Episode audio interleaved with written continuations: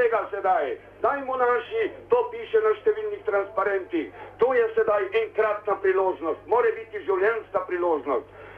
6, 8, 10 piše v kartoteki Grege Benedika v svetovnem pokalu. 6, 8, 10, to so odlične uvrstitve. Priboril si je letos prvo jakostno skupino, do dobro v prvem teku izrabil to odlično štartno številko, ki jo je toliko let čakal, sedaj se bliža Mirino istega časa velik zaostanek. 27, 23, že skoraj sekundo zaostaja za Žirardeljem, takoj potem še napaka in Grega Benedikt bo verjetno izgubil odlično uvrstitev.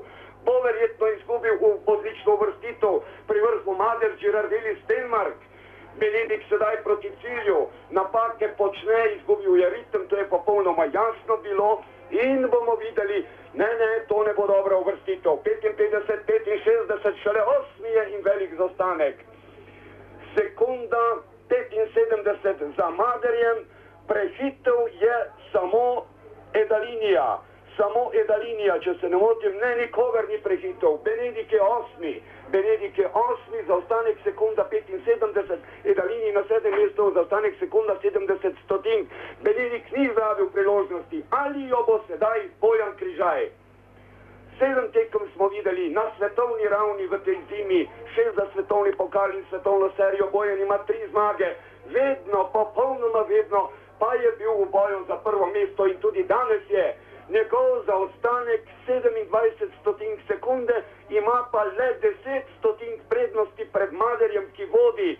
10 stotink prednosti pred Maderjem, ki vodi. Najboljši umestni čas, že ravnili 26-27, Mader 26-78, 26-78 Bojan Križaj, zaostanek za Maderjem, točno na istem mestu kot Benedik je napravil napako pomirjeno umestnega časa in bojim se, da je Bojan izgubil boj za kolajno. Bojim se tega.